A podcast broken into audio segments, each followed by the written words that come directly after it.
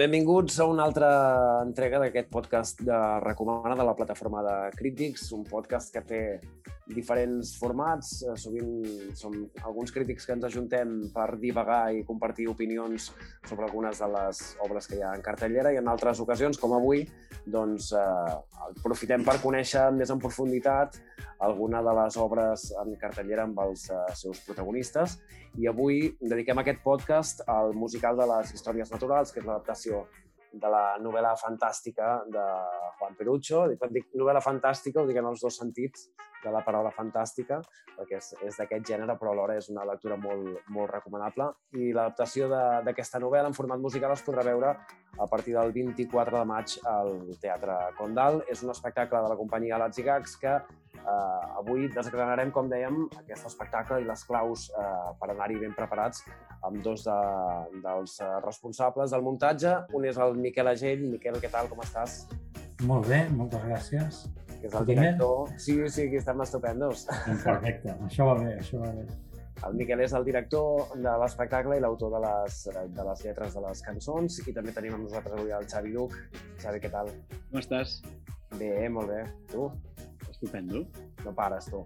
Xavi és actor de, de musicals, recentment l'heu vist a Les xiques del coro, a l'Impro Side Story, però també ha fet, eh, l'hem vist a molts altres musicals, el Tic Tic Boom, que ho ha patat molt ara a Netflix, doncs abans que ens el fes l'Andrew Garfield ja ens el va fer el Xavi Duc i també doncs, Sugar de Wild Party o Guapos i, i Pobres. Doncs entrem amb les històries naturals, però si voleu, abans fem una, una petita prèvia, perquè el Miquel és el fundador de, la, de Gags, que a banda de ser una escola d'arts escèniques a Sants, al barri de Sants de, de Barcelona, també és una productora d'espectacles que treballa tant per públic familiar com per públic adult. El Xavi també ha participat en diversos dels muntatges de, de la companyia en públic familiar. Doncs, si voleu fer cinc cèntims, per qui no conegui eh, la companyia. Ah, això em toca a mi. doncs una miqueta ja, ja ho has presentat tu, eh? Uh, nosaltres fem indistintament uh, tot tipus de... bueno, tot tipus bàsicament se'ns ha, se ha conegut pels muntatges més de públic familiar i, i de creació, perquè són els que més han girat, els que més públic ha vist i els que també ens han donat més nom.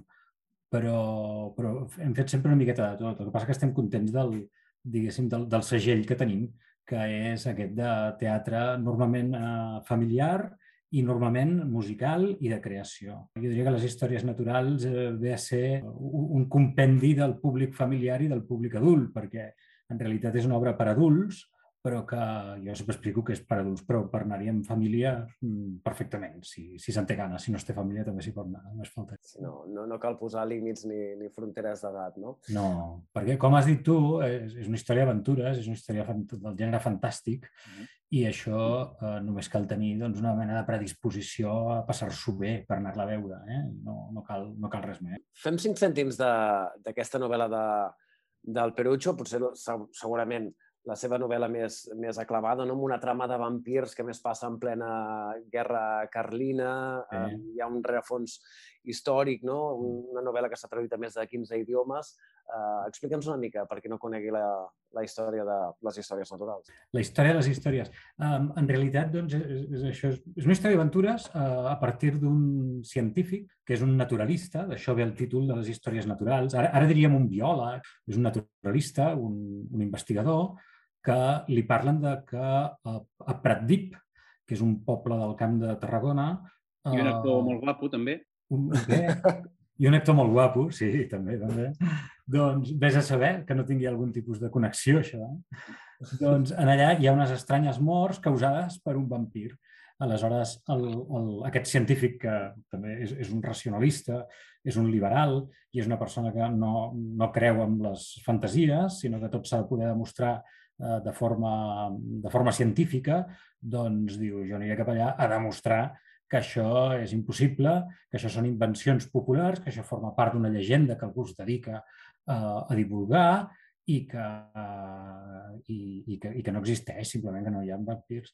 Pues troba que sí que n'hi ha de vampirs i aleshores entra en tota una trama de, de, de, de poder acceptar que hi ha coses inexplicables que, que passen i, i per altra banda, com a científic, doncs, té aquest gran repte de poder investigar, una, en aquest cas, una creació nova. No? És com, una, com, com quan es descobreix que hi ha un animal que no tenies classificat. No? Doncs una miqueta passa això.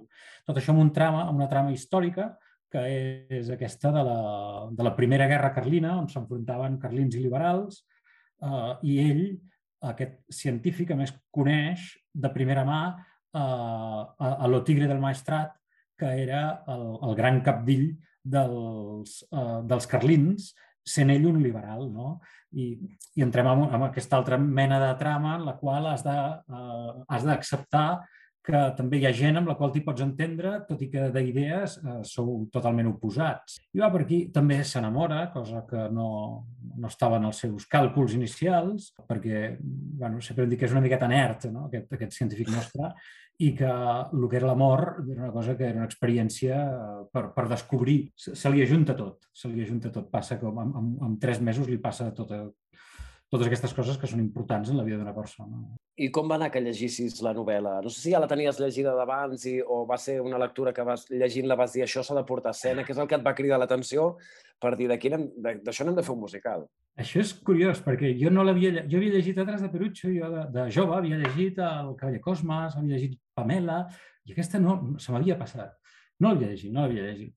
Però un dia jo tinc família a, a Tivissa, és família política, però és família, no? I, i un dia estant a Tivissa, eh, i recordo doncs, eh, parlant amb, amb, un, amb un uh, nebot de la meva dona, m'explicava de, de coses que havien passat, que estaven documentades, que tenien a veure amb gent dessagnada, amb cadàvers trobats absolutament sec, i que això ho sabien els notaris, perquè n'havien aixecat acte, però que no constaven els llibres d'història.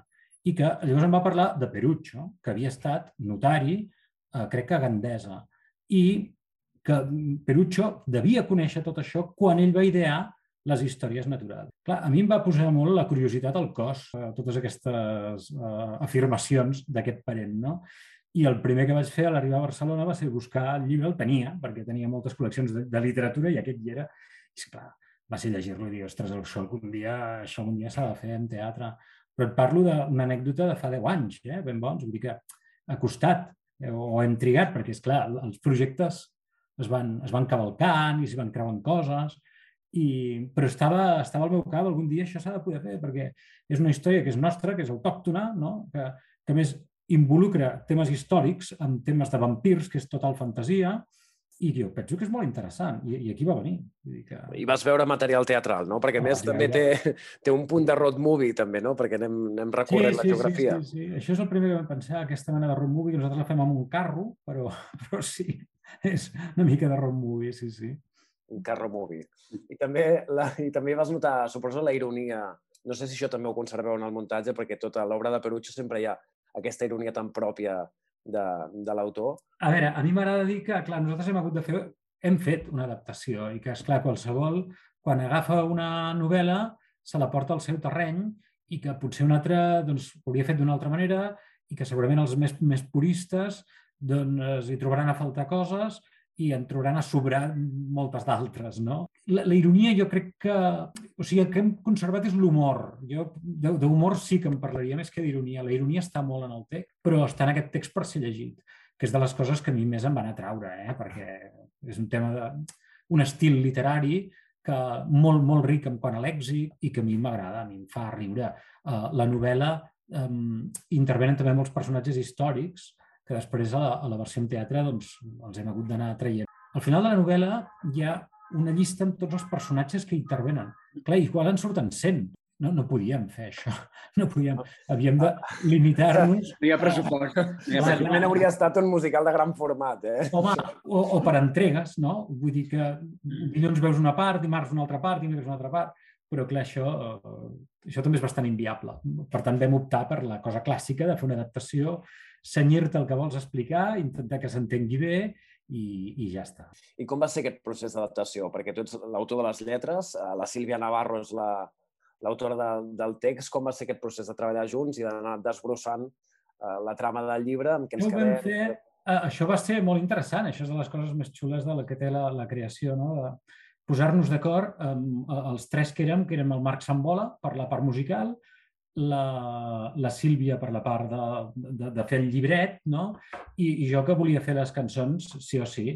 I aleshores vam estar-ho negociant doncs, durant molt de temps, eh, fent una mena de, de, de storyboards, de com, per on anirem, seleccionant de què parlarem, de què, de què no parlarem, això com ho tractarem. Per exemple, els personatges femenins pràcticament no hi eren, no? Sortien dones, però eren molt, molt poc importants en la trama original.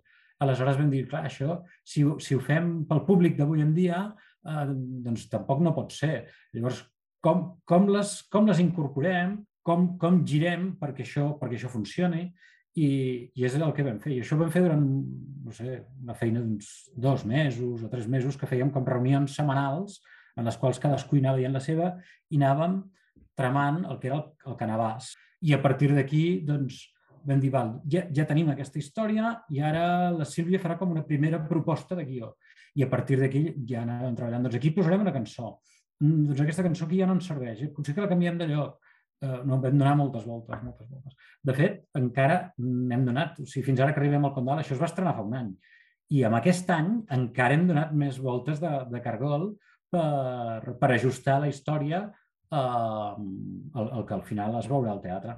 Ara mencionaves el Marc Sambola, que és la tercera pota d'aquest musical, que ara sí. hem estat veient també el conte de La filla del mar, la multipremiada Filla del mar. La multipremiada. Uh, uh, Xavi, mira, per la part que et toca, tu que has de cantar la seva partitura, uh, explica'ns una mica quina, quina partitura ha fet el, el Marc, perquè és una, una barreja d'estils, de, de, no? És un, mm -hmm. una sonoritat molt moderna, però una barreja d'estils. Totalment. Jo penso que la partitura, o sigui, la, la música de l'espectacle és un dels plats forts mm. i inclús te diria, diria, perquè jo he fet bastantes coses del Sambola, és dels més guapos, perquè té molts colors, mm, té molts estils.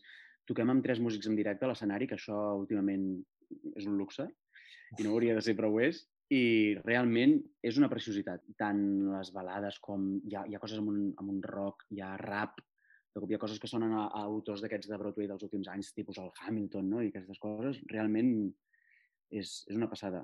I, i, i difícil, eh? Perquè a mi, jo vaig entrar al projecte quan ja estrenat i portaven molt de temps. De fet, jo vaig ser l'hospitació d'un dels companys. I vaig patir, vaig patir perquè realment és, és complicat, perquè les lletres, Suma-li els dialectes, que no n'hem parlat, però fem diversos personatges i tots són d'un lloc de Catalunya. Hem hagut de treballar amb el, amb el Pere Navarro, que és un lingüista, i, i tots, clar, has de començar a cantar amb accent de, tor de Tortosa, no? I tot, clar, és una animalada. I realment el material és, és complexa, però, però un cop el tens musicalment és, és molt gustós. És molt gustós. Jo penso que el, la música és realment un, una passada. Hi ha tots aquests contrastos, no sé si hi ha una filosofia darrere de, perquè llegia que el Samuel parlava que havia volgut posar moltes capes perquè ja entengués una mica que pogués aprofundir-hi, no? però que, que estava pensat, aquests contrastos estan molt pensats per, uh, per exemple, reflectir la personalitat mm -hmm. de, del protagonista, de la seva cosina, que són personalitats molt antagòniques i que els havia volgut doncs, dotar de personalitats musicals també molt diferents. Exacte, sí. Bueno, això hauria d'explicar-t'ho el Marc, però sí, sí, està molt clar que tothom té una mica el seu leitmotiv, el seu estil musical, sí, sí. I tres músics en directe, eh? Deies piano, Uh, bateria. Teclats, no? bateria i, i guitarra. Home, ja és un luxe tenir músics en directe, uh, perquè no, no tots els musicals poden presumir d'això. Mm -hmm. Som Deies... tots a l'escenari. Sí, déu nhi sí. no, no. Bueno, dèiem que si haguéssim fet les històries naturals al complet seria un musical de gran format, però escolta, déu nhi El Miquel és un lent i és un inconscient. Miquel, no sortiran bolos! Costa. Això, és, això té raó, costen, costen. Mira, ara que parleu de, dels bolos, fem una mica també de, o sigui, d'explicar com, com es va gestar això, perquè ara deies tu es va estrenar fa un any, el Xavi es va sumar al projecte que ja, que ja s'havia estrenat. No sé si ho tinc ben entès o no, però no sé si això estava lligat també a la celebració de l'any Perucho. El 2020 es va celebrar el centenari del, del naixement Uh, uh, I no sé si anava una mica vinculat per aquí, perquè això va passar, no? Es va sí, sí. per de Fels, alguns bolos s'han fet, no? Sí que hi anava. O sigui, en realitat s'havia d'haver estrenat el 2020, però, clar, el 2020 va ser quan al mes de març ens vam quedar tots tancats a casa. Algú va passar el 2005. No me'n recordo, algú va passar. va passar alguna cosa. El, el que fos. Sí, sí. I, I aleshores ja es va haver d'ajornar tots els actes. Estava programat perquè s'estrenés dintre del centenari, perquè tenia molt de sentit, no? Es van programar actes culturals eh, arreu del Perú, o sigui, arran de la figura del Perutxo per tot Catalunya, i aquest era un mes. Era un mes que partia d'una iniciativa privada, perquè era una iniciativa que era nostra i en aquest sentit no, no hi havia un suport institucional perquè participéssim, però en canvi sí divulgatiu. O sigui, a ells els hi feia molta gràcia que poguéssim estrenar durant l'any Perucho perquè també a nivell de divulgatiu era, era, era molt important per nosaltres. Però tot això es va, es va capgirar.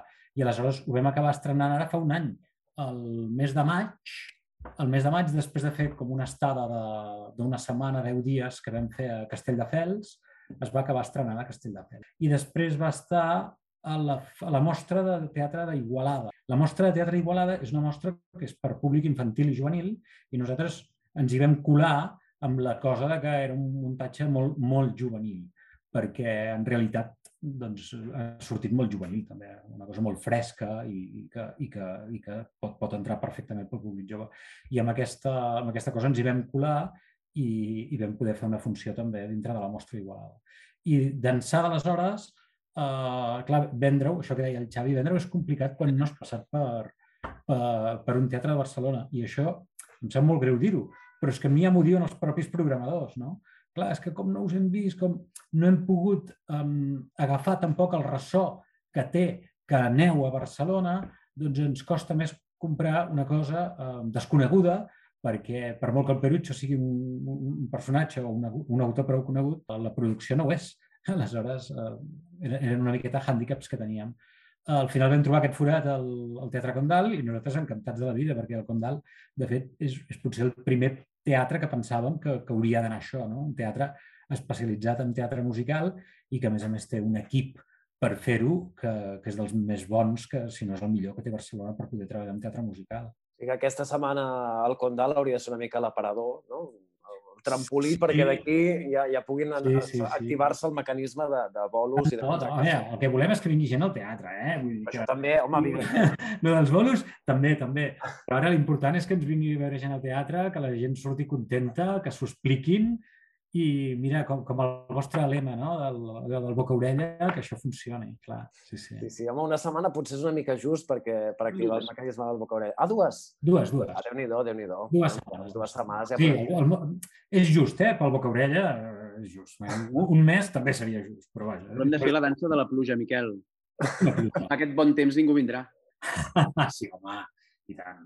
Sí que és, és mala època pel, pel teatre, sí, maig-juny, mala època. Mal, mal temps per la lírica, això s'ha dit sempre. doncs clar, és el que ens toca. El cap de setmana lliurem, però, perquè és quan més la gent va a la platja. Nosaltres fem funció de, di, de dilluns a divendres, dues setmanes. Bé, bé, doncs home, els dilluns acostuma a ser bon dia per anar al teatre, com que ja no n'hi ha gaires, els, els cobren els dilluns acostumen a, a omplir. Clar, clar, és un, un bon... A la Flycar en saben molt d'això. Um, I dèiem 12, 12 intèrprets en escena, uh, no els hem anomenat tots, però... 11, 11. 11. 11 Valdria perquè... la pena potser anomenar, anomenar el protagonista d'aquest musical, no? l'Antoni Montpalau, l'Eloi Gómez Novell, que aquell, ell, ell també l'hem vist uh, en diferents musicals, potser el Despertar la primavera és el que ens vindria més al cap a tots plegats, però és un repartiment que capitaneja l'Eloi i que combina, em fa la sensació, no? O sigui, gent més coneguda, com el, el Xavi també, amb, amb gent... Sí, arxiconeguda. El Xavi és arxiconeguda. Amb, amb gent arxiconeguda i arxipremiada, com el Xavi Duc. Tenim Esther Bartomeu. Imagina't. Bueno, ja, i, I tot això combinat amb, amb, amb, doncs, amb intèrprets menys coneguts o que potser estan més a l'inici de la seva trajectòria que això també els pot servir. No? Sí, això, de fet, és una cosa que a mi m'ha agradat sempre. O sigui que, que, que dintre de l'escenari, no, no, ara no parlem de coneguts o no coneguts, però sí que parlem d'un tema d'edats, no? de que hi hagi gent de diverses edats, perquè per, per reflectir diversos personatges és maco que, que, es pugui, que es pugui reflectir des de les edats dels personatges. I, i és una miqueta el que ens trobem aquí. Però ens hi hem trobat, bueno, sempre que hem fet, que hem fet creacions d'aquestes, com el Tom Sawyer mateix, també, eh, també busquem generacions d'actors que puguin donar pels personatges, no? I, i en aquí ens hi hem trobat. Sí, eh, està, està molt bé. Hi ha, hi ha l'Eloi, acabem, acabem de dir qui hi ha, perquè ja, ja que hi som, Xavi. Si us hi poseu, allò, llavors et deixes algú i ja si els fas els 11, els 11 de cop. 8, 8 actors, 8 actors i actrius, més paritaris, no? perquè són, uh, són 4 i 4, i, uh, i 3 músics, que és el que som. I això és el que anava a dir. Clar, el, el gran protagonista pot semblar que és l'Antoni de Montpalau, però en realitat eh, eh, està, això ho podria dir més aviat el, el Xavi, no? està tot molt repartit. Sí. Està molt repartit. I dintre de la, de la història té molt de pes tant l'Antònia de Montpalau com l'Agnès, que és la seva, la seva nòvia, la que coneix i, la, i amb la qual s'enamoren, com el general Cabrera, que és el personatge que interpreta el Xavi. I el Dip, un, el vampir. Un dels que interpreta el Xavi, perquè en fa més d'un, clar. Si tens el Xavi no li has de donar només un paper perquè no en té prou. I el, i el vampir. A, a, nivell, a, a nivell de trama ja, ja, ja està molt, molt repartit, però a sobre de l'escenari també, també. Xavi, parla'ns del, del teu personatge principal, del general Cabrera. Uh, clar, és, és un personatge que va existir. Aleshores, jo vaig entrar al, al projecte quan ja ja s'havia aixecat. És un projecte de creació que, Miquel, Bravo. gràcies, sí. Perquè mm, el que costa realment molt bé. I amb aquesta mida, molt bé. Però, clar, jo vaig posar-me les sabates de la creació que havia aixecat en aquest cas el, el nostre amic, el Marc Pujol, fantàstic, que tenia altres reptes professionals i per agendes i tot, i això que fem, doncs... Okay. No, està el poliorama. Tu Exacte. està. I, el poliorama. aleshores vaig haver realment d'entrar de, a, a les sabates del que havia aixecat el Marc, no? I, i realment és un gust. És, vaig patir-ho a l'hora d'estudiar perquè realment és difícil. El llenguatge de la funció és, és complicat. El Miquel diu que no. Jo, amb els companys ho parlava i dic, és que tenen el diccionari. O sigui, hi ha coses que, que, que estem dient aquí. Ho vaig intentar, vaig començar a llegir la novel·la, mmm, mare meva. I, no, la vas i no, acabar? No, no la vas acabar. Eh? No la vas acabar, digue, pots dir, ho pots dir. Ben bé que no. Uh, no sóc l'únic de la companyia, eh? Que no l'ha acabat. no, molt bé, molt bé, realment. I, I ja et dic, el que et comentava abans de la música, la música és un gustàs. Aleshores, uh, et dona un poder, et dona un, una força brutal. I el teu personatge potser... pel personatge, et preguntaven sí. pel Cabrera. No sé si has, has notat que he intentat esquivar la pregunta. Què vols saber del personatge? No, perquè potser el teu personatge és el que ajuda a, a donar el rerefons, el context històric a la, a la funció, no? Una mica tots. Jo crec que el context històric és el que és, aleshores ells es troben amb, que han d'anar amb, amb un trajecte per anar a Pratdí, per, per descobrir tot el que està passant no sé què, i es troben enmig de doncs, moment històric, que és la Guerra Carlina, la primera, i es troben amb, amb l'exèrcit carlí, ells són liberals, aleshores hi ha tota una trama aquí d'històries i hi ha un, un, un xocs, clar, però ja descobrirem què va passant, no? Que vols que t'expliqui tot? No, no, home, no, Déu me'n guard, no fem... Això hem de despertar la, la curiositat, la gana, la gana i després que, que la gent hi vagi. Um, parlant d'això, el context històric, um, no sé si heu fet també un musical d'època, no? El vestuari de la Núria Milà, veig que va una mica Sí que sí. és una mica d'època, però tampoc és un musical sí. d'època com... No, volíem, volíem que es veiés, que tingués un look d'època, però tampoc... Eh, jo sempre dic que no fem arqueologia, vull dir que el que fem és creació i el que fem és recreació i, i llavors, clar, el, el, el vestuari hi ha alguna cosa que, que la veus com molt, molt d'època i moltes que no, la majoria no. Però, però sí que teníem ganes que tingués un cert... O sigui, el vestuari té molta personalitat així com l'espai escènic és com molt neutre, és com un espai com de concert, el vestuari havia de, de lluir i s'havia de veure que, que era antic. Vull dir que tu entraves, a la, entraves al teatre i veies allò i ja sabies que estaves veient una cosa que, que era d'època. I després la trama, clar, però estàs parlant de guerres, veus el tipus de, no només del vestuari, sinó el tipus de fusells que traiem, ja, ja veus que no, no et sortirà algú amb un mòbil, saps? És, és una miqueta aquesta cosa. I amb una posada en escena, Déu, és, molt, és bastant minimalista, eh? Sí, sí, e, és bastant minimalista. També per un tema de pressupost, eh? No ens enganyem. Clar, clar, clar. Influeix, és un factor que acostuma... Un als actors que després no... Influeix força. Home, clar, contractes el Xavi Duc i se te'n va tots els diners, tot el pressupost se'n va aquí. No, però hi ha unes projeccions, no? Sí. Que sempre vesteixen molt. Exacte, sí, sí. No, són per situar, són per acabar de col·locar, però, però clar, la, la, els grans protagonistes han de ser els actors. I, i com canten, i com actuen, i, i, i la trama, no? És, és, és, és el que volem, eh, sobretot, presentar. Bé, doncs jo crec que hem tocat tots els aspectes ja d'aquestes històries naturals i, i que qui ens hagi sentit aquest podcast segurament li haurem despertat la curiositat per anar al Teatre Condal a descobrir-les encara una mica més. A les dates del 26 de maig, dèiem, fins al... Del 24. 24 de maig. Del 24 al 3 de juny. El 3 de juny, doncs aquí... I queda. no actuem dissabte i diumenge. No, deixem que la gent vagi a la platja i... Exacte. I entre setmana us trobaran al Condal. Doncs, uh, Miquel, Xavi, moltíssimes gràcies i molta merda. A tu, moltíssimes gràcies.